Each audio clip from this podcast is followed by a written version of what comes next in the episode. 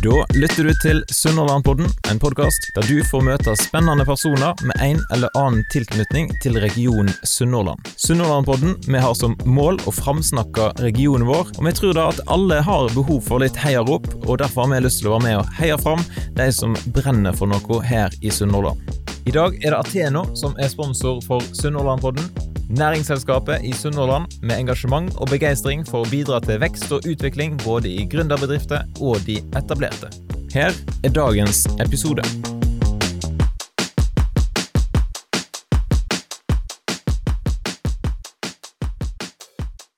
I dag så har jeg fått besøk av Erina Eidesvik her i studio. Velkommen til Sunnhordlandpodden. Heia, tusen takk. Og Du bor jo i Haugesund, men jobber her på Stord, og har tidligere bodd i Etne, så da tenkte jeg at ok, da er det innafor å invitere deg i Sunnmørpodden, Er ikke du enig? Jo, jo, jo, jeg er det. Og Temaet i dag da er jakten på nye eventyr, og da er jo spørsmål nummer én er jo hva eventyr er det du jakter på?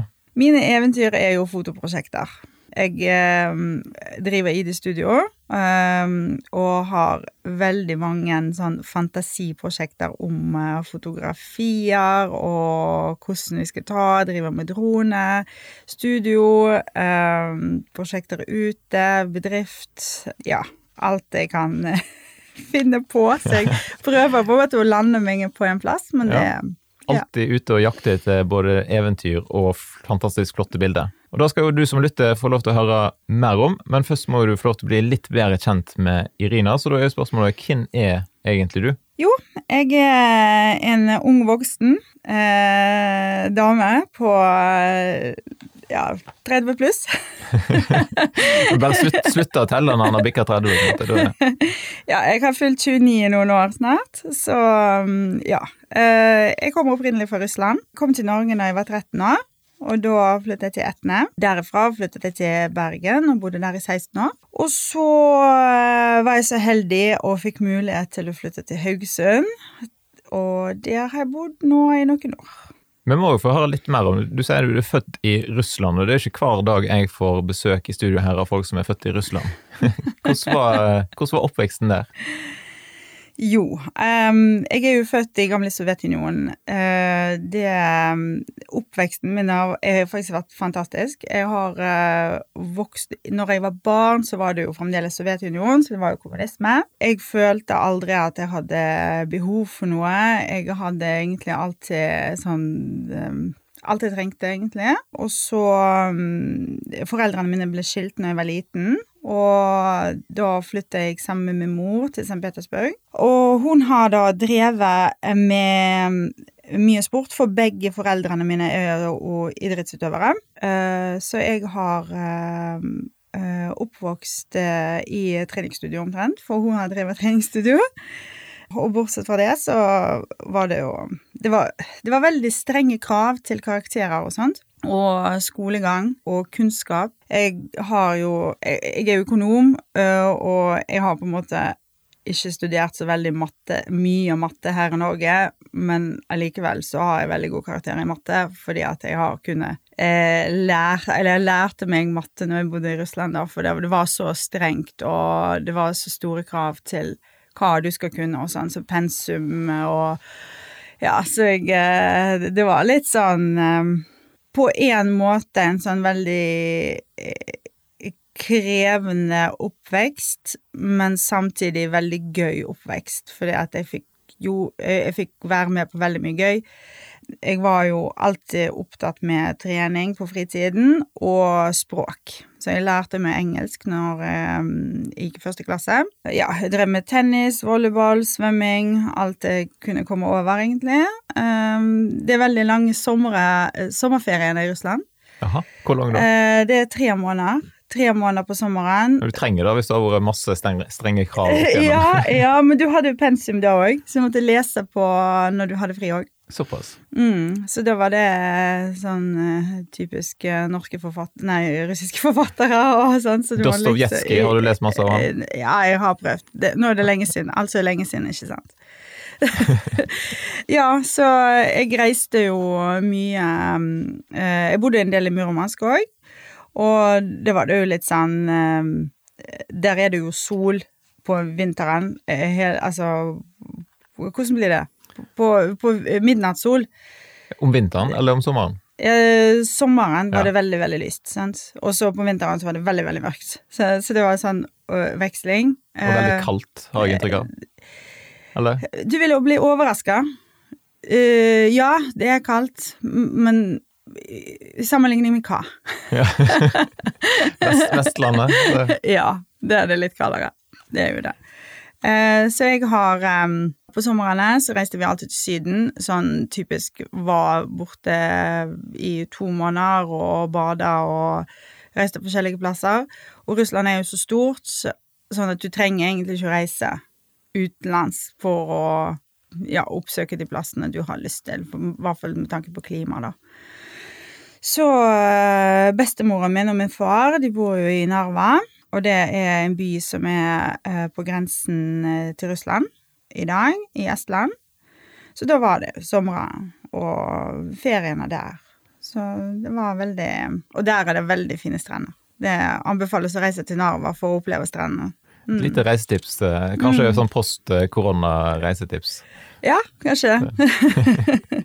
Men så havna du altså i Etne. Hvordan er overgangen fra enten om det var Murmansk eller St. Petersburg, og så til Etne? Vet du hva, det var en sånn kultursjokk. For, alt var annerledes. Det var sånn Ingenting var likt. Sant? Så ja, det tok litt tid Som, for som 13 år, da begynte du på ungdomsskolen, kanskje? Mm. Så ja, det var, det var veldig annerledes. Og det var Jeg tror det var bare sånn 3000 innbyggere i Etna, og jeg følte jo at eh, alle Og det var jo sånn ingen andre Det var omtrent ingen andre utlendinger. Eh, jeg kunne jo snakke engelsk, da, så det var jo bra. Og eh, det, jeg hadde stor fordel fordi at jeg reiste til Etne masse i barndommen, da.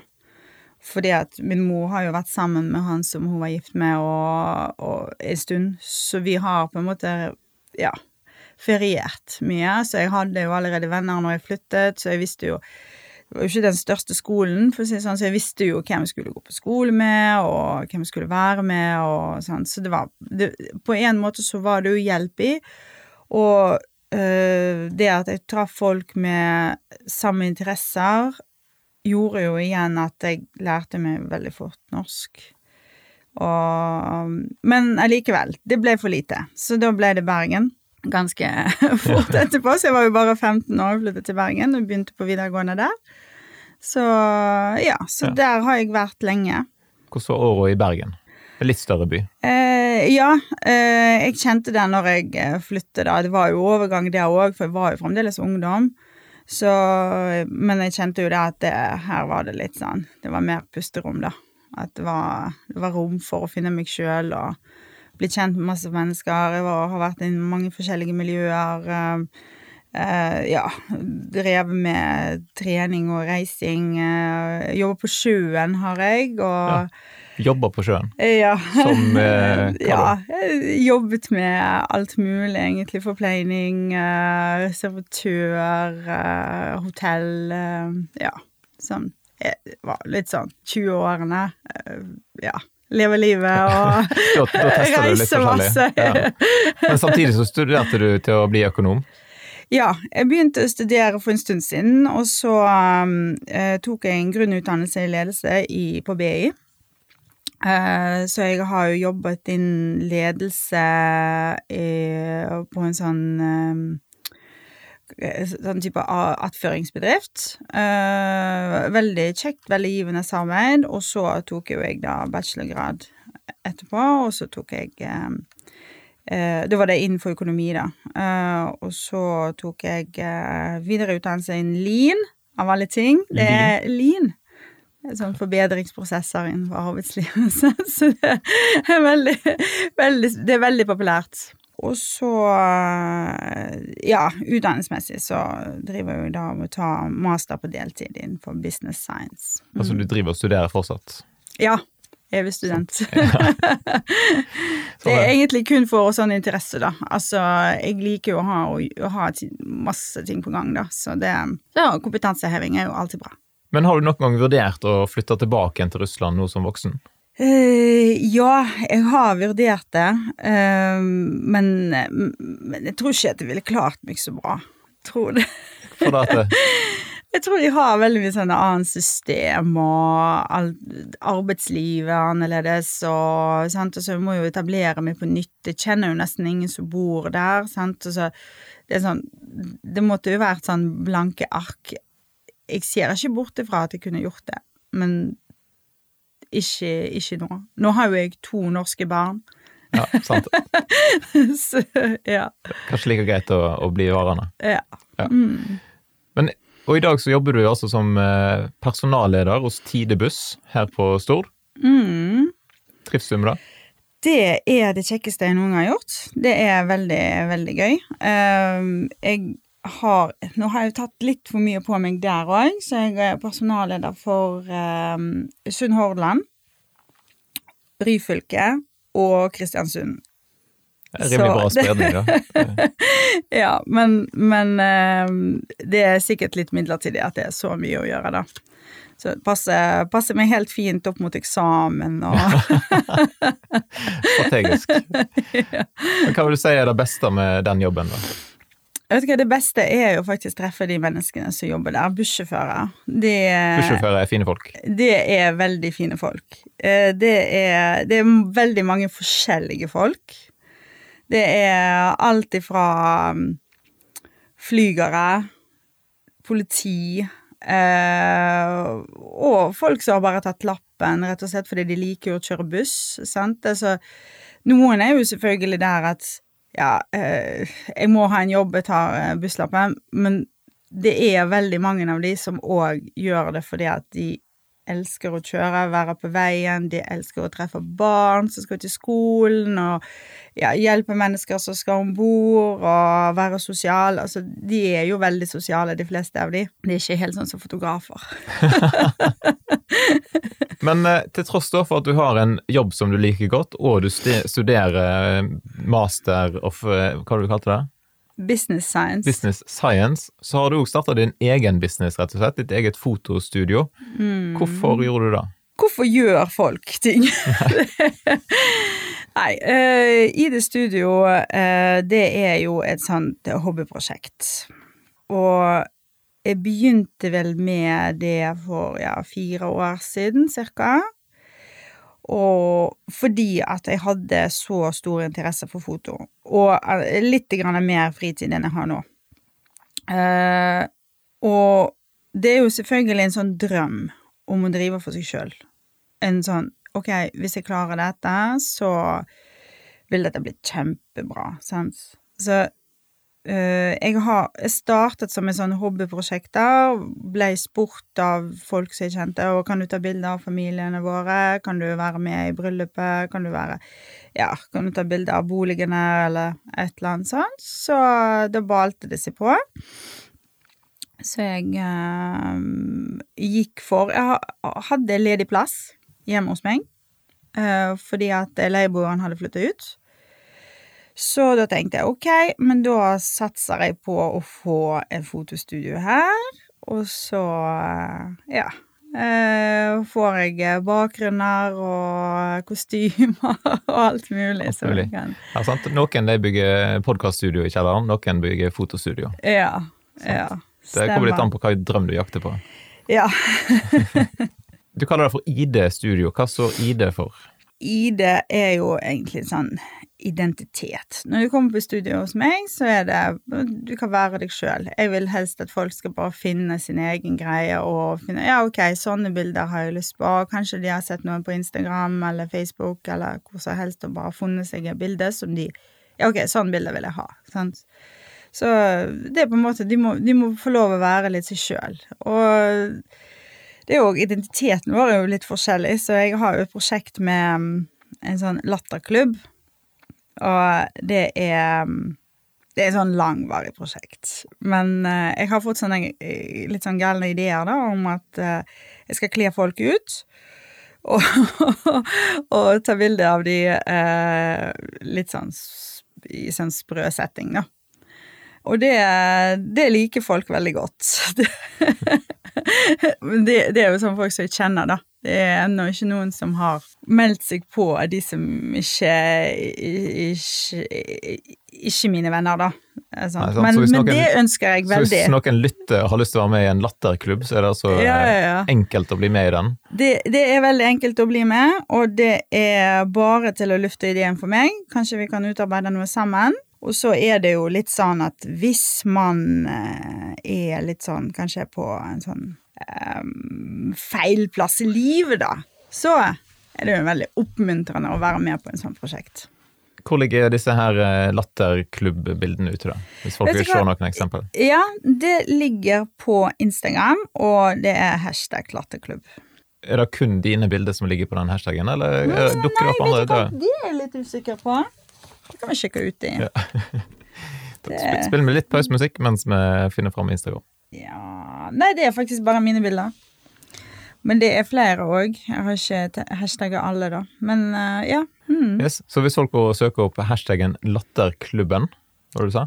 Latterklubb. Latterklubb, da eh, finner dere altså noen eh, forhåpentligvis morsomme bilder. Og så kan du eventuelt bli med i den klubben sjøl hvis du vil, da. Men hva andre type fotooppdrag tar du på deg? Du nevnte bryllup. Er ikke bryllupsfoto, da er det stress. Det er veldig stress, men det er så kjekt. Eh, det er så kjekt å være med folk som er så, så forelska og klar til å ta det steget inn i den fantastiske verden av å være gift. Ja, sant? Men det er jo veldig sant? De kommer gående oppover der, eh, og du kan liksom ikke bare Nei, forresten, kan vi ta det en gang til? Dere må gå litt tilbake igjen. Nei, sant? Du må nei. på eh, jeg, jeg, føler at, jeg føler at man må være ganske sikker før man eh, tar på seg bryllupsoppdrag. Man må på en måte Og så eh, er det jo slik at folk ser jo hva bilder jeg tar.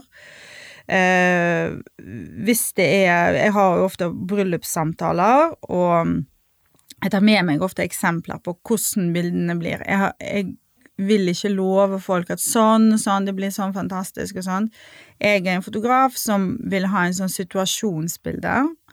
Jeg har ikke lyst til å redigere bildene mine De bildene som jeg tar av mennesker, har ikke jeg lyst til å redigere til et sånt ugjenkjennelig. Jeg har lyst til å ta et bilde slik som jeg opplever det, og så formidle det videre. For det er sånn jeg formidler det. Jeg vet at det er mange som ser det kanskje på en annen måte, og jeg tenker at folk velger fotograf etter hvilken stil den fotografen har, da.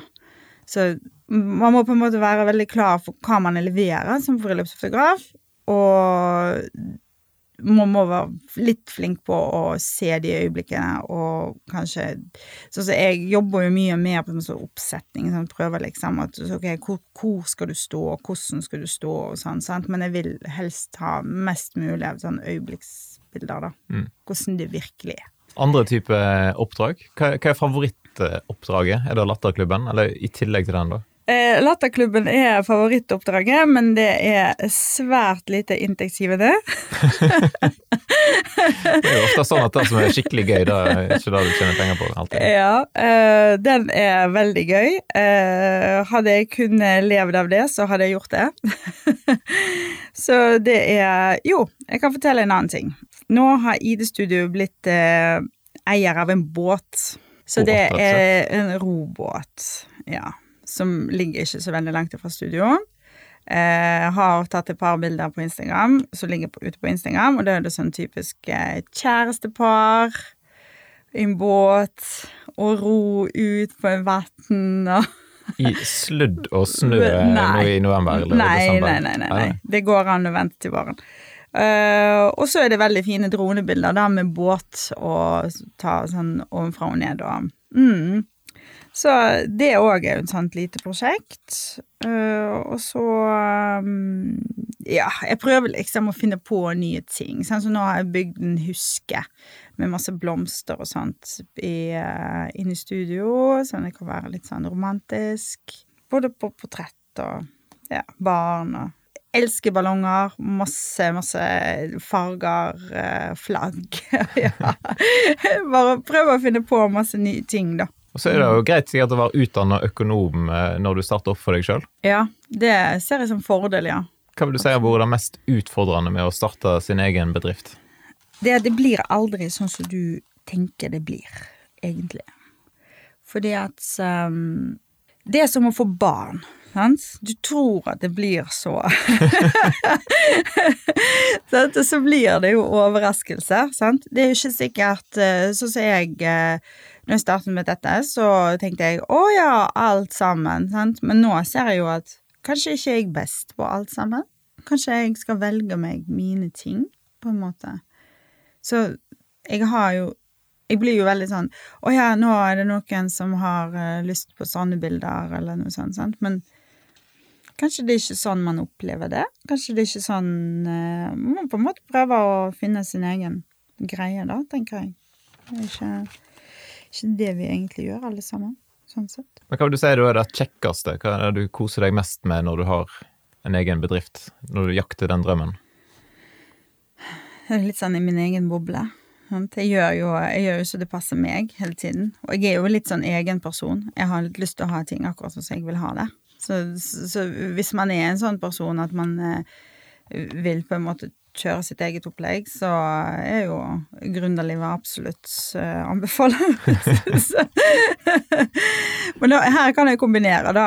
Jeg kan kombinere, jeg har jo en jobb, så jeg um, For så vidt så har jo jeg lederstilling, så jeg, jeg er jo på en måte Får bestemme veldig mye på jobben min òg. Så jeg kan kombinere det. Det, det går bra. Mm. Er det litt i måte, russiske genene som kicker inn? At du liker å være litt sjef? Kanskje. Jeg vet ikke. Jeg liker å være sjef, ja. Jeg, på, én måte, men, men, samtidig så liker jeg jo jeg å, å bli fulgt opp òg. Jeg liker jo å ha Og det er utfordrende med å drive for seg sjøl. For det er ingen som står over deg. Nei, sant. Det er ingen som har forventninger til deg. Sant? Så hvis ikke du tar vare på de kundene du har, eller gjør det du gjør best, så, så, så kan ikke du fortsette. Sant? Så du må på en måte være ja, strukturert og det krav til deg sjøl og alt sånt. Og det er jo ikke alltid. Det er jo sånn Man må Heldigvis så har jeg veldig mye sånn motivasjonsfaktorer Eh, både via studiene som jeg har tatt, og jobb og alt sånt, så jeg vet hvordan jeg skal, hva teknikker jeg skal bruke for meg sjøl, for å motivere meg sjøl. Altså den psykologiske og det, trening og alt sånt. Så det, det, må man på en måte bare tvinge fram at OK, hvis jeg, hvis, hvis, hvis jeg bruker den eh, helgen på å gå den fjellturen, så vil jeg være mer motivert. Sånn er det for meg, men det er jo ikke sikkert at det er for andre. Sant? Så det, ja, man må kjenne seg sjøl og vite hva man gjør. kan være lurt. Men eh, hvis vi tar et steg tilbake igjen da, og, og prater litt om fotointeressen. Hva var det som starta på en måte din vei inn i fotoverden? Eh, nei, det er så mye, egentlig. Altså, jeg har alltid vært interessert i foto. Uh, Min far viste meg faktisk noen eh, sånn gamle kamera som han har tatt bilde av eh, med når jeg var liten, og jeg visste jo ikke at han hadde det for, før for et par år siden, så han, det har jo gått litt, kanskje litt sånn i slekt. Ja. Men eh, jo, jeg har eh, begynt med mobilkamera, eh, som de fleste, og ja for noen år tilbake så fikk jeg speilrefleks uh, i gave, og da tenkte jeg ok, jeg skal finne ut av dette, og det var jo full format, og da syntes det var sånn åh, nei, sant, så klarte jeg liksom stille blenderen, da, og ja, det var kult, sant, så da hadde jo jeg en fin linse og sånn, så, så ja, ok, nå, hva, skal jeg, skal, hva skal jeg gjøre mer, sånn, så ble det litt sånn, ok, hvordan tar jeg de bildene, hvordan tar jeg de bildene, og sånn, så prøvde jeg jo jeg er jo sånn praktisk lærer, like sånn praktisk eh, læring. Så jeg gikk på kurs, og så ja. Liksom, du klarer å knekke koden på hvordan du tar de bruker kamera, da. Og da er det jo på en måte jakten etter lyset og perspektiver og øyeblikk og litt sånn som på en måte fang, fanger deg litt etter litt. Du blir på en måte slukt inn i det, sant. Ja, så ble jeg med i fotoklubben. Instagram er jo veldig sånn Det Der er det bilder, bilder. Sant? Du bare kan sitte og bla gjennom bildene i timevis, og plutselig så bare så, Oi, hvordan tar du det? Og så leter du frem, og så prøver å finne teknikker, og ja. Så det begynte jo litt sånn, da. Ja. Vil du si at foto har blitt en livsstil? Ja, så absolutt. Jeg har med meg kamera hver dag. I tillegg til ID Studio så tar du jo mange flotte naturbilder og sånn. Du har to Instagram-kontoer, da kan vi jo nevne òg, for så vidt. Du har ID Studio, og så har du din egen som heter Irine Eidesvik, Ja, Art of Colors. Det er litt sånn mer sånn natur og kunst og mm. Hva er det som er så gøy med å ta bilder av naturen? Det er de opplevelsene jeg får hver gang jeg er ute på tur, og hva jeg eh, Ja, jeg oppdager alltid noe nytt. Så det er jo Noen ganger kan det være værfenomen, det kan være stjernehimmel, det kan være Altså, det er ikke alltid man har en sånn agenda med og så, OK, nå skal jeg på tur for å ta det og det bildet. Det er jo sånn Nå skal jeg på fototur, og så får jeg oppdaga noe. Sant? Og det gjør jeg alltid. Og det er alltid et eventyr. Det er alltid noe jeg på en måte ser tilbake på, og så Nå har jeg fått energi på full, og jeg har fått Jeg har, fått noe inn i livet mitt, på en måte, som er sånn visuelt kreativt, da. Ja. Og så driver du en del med dronefoto, har jeg sett på Instagram. Det syns jeg er litt fascinerende. Ja. Og sånn. Hva er det som, eh, som gjør at du eh, driver på med drone? Nei, drone, det er, det er en slags sånn kunstprosjekt, det òg. Så det er jo Du får jo se verden fra fugleperspektiv. Det du, Drone må man ha for å kunne se det. Og så noen ganger så er det sånn Ja, ok, nå skal jeg bare Først når jeg fikk den dronen, da, så tenkte jeg ok, jeg skal bare løfte den opp og så ta sånn top down. Og det er jo fantastiske perspektiver. Men men så plutselig så begynner man å se seg litt rundt, og så bare Hva var det for noe? Kanskje jeg skulle kjørt der? For du får jo Du får jo se veldig langt. Veldig mye. Sånn? Så det er sånn Ja. Det er absolutt verdt å prøve. Mm. Jeg har vurdert om jeg skal kjøpe min egen drone, så jeg tenkte da passer det bra å ta deg inn i studio her og høre om du har noen gode dronetips.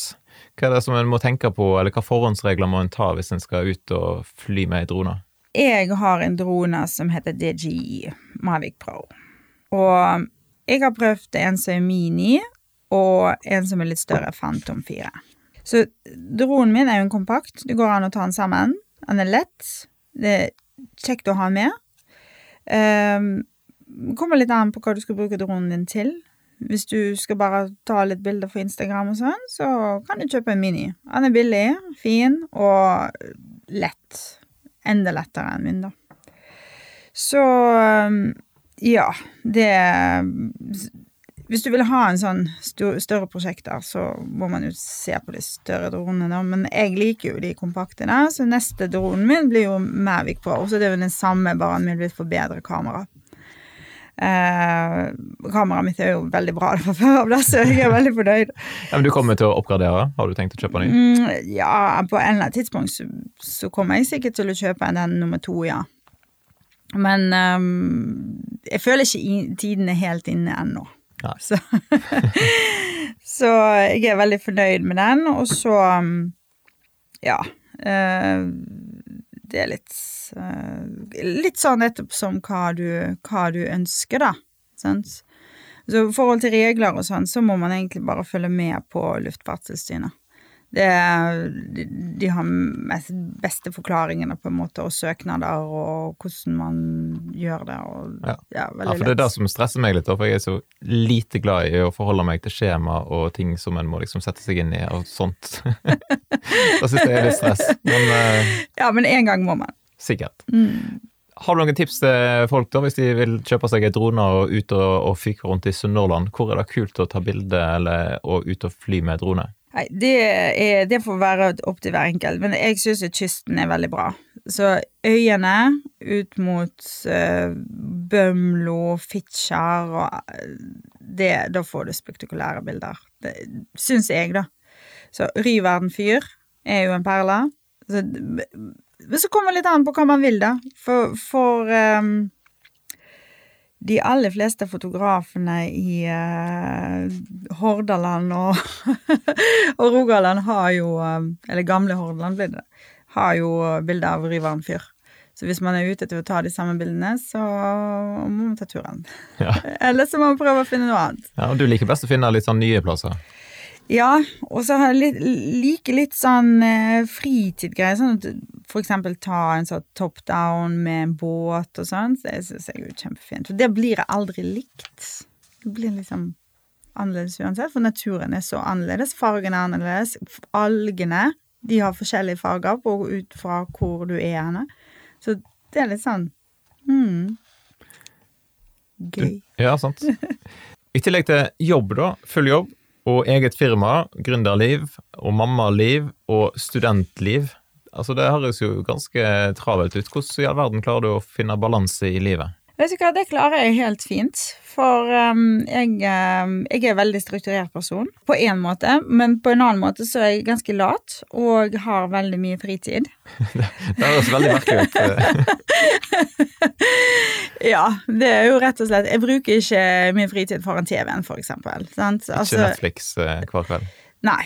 Nei, det gjør jeg ikke. Um, så de to timene jeg kan bruke foran Netflix, uh, det bruker jeg kanskje en time på å lese og en annen time på å gå på besøk eller trene.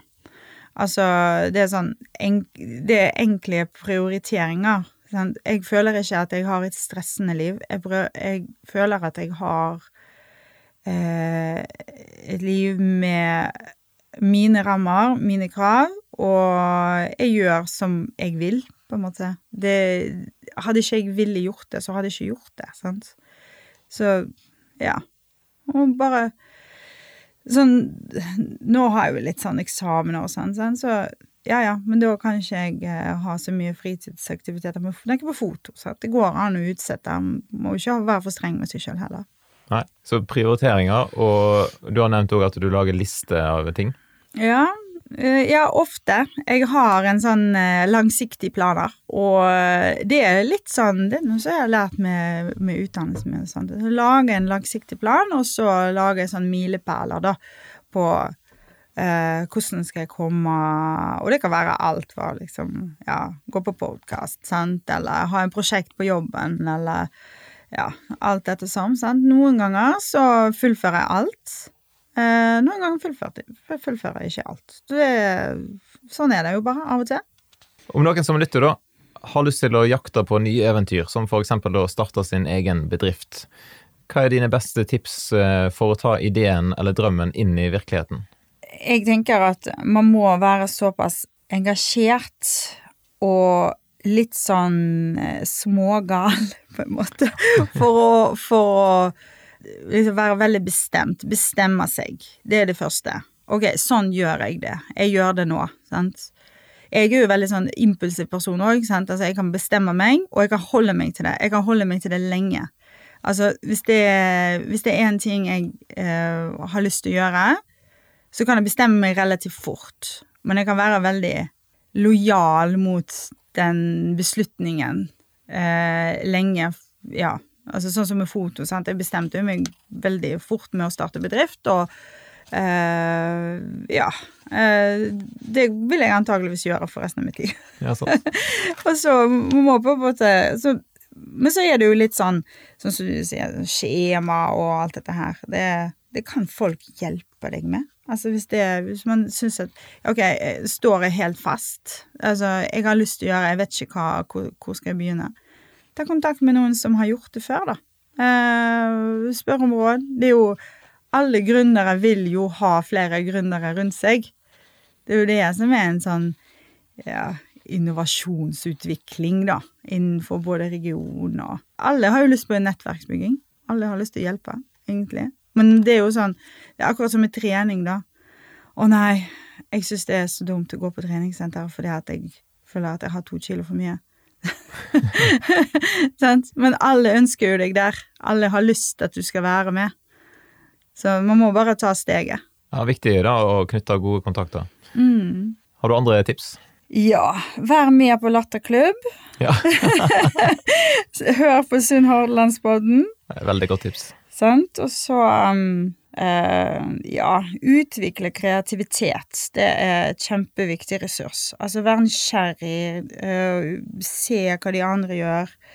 Uh, ideer. vær med på å utvikle. Er det, noe, er det, noen du kjenner eller har hørt om som har, som har et prosjekt du har lyst til å være med på, eller et eller annet? Hva er det verste du kan få? Få nei? Ja, det er jo så, da.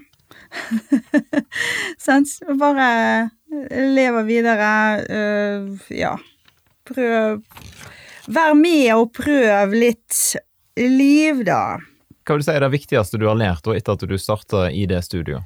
Eh, det å være selektiv. Altså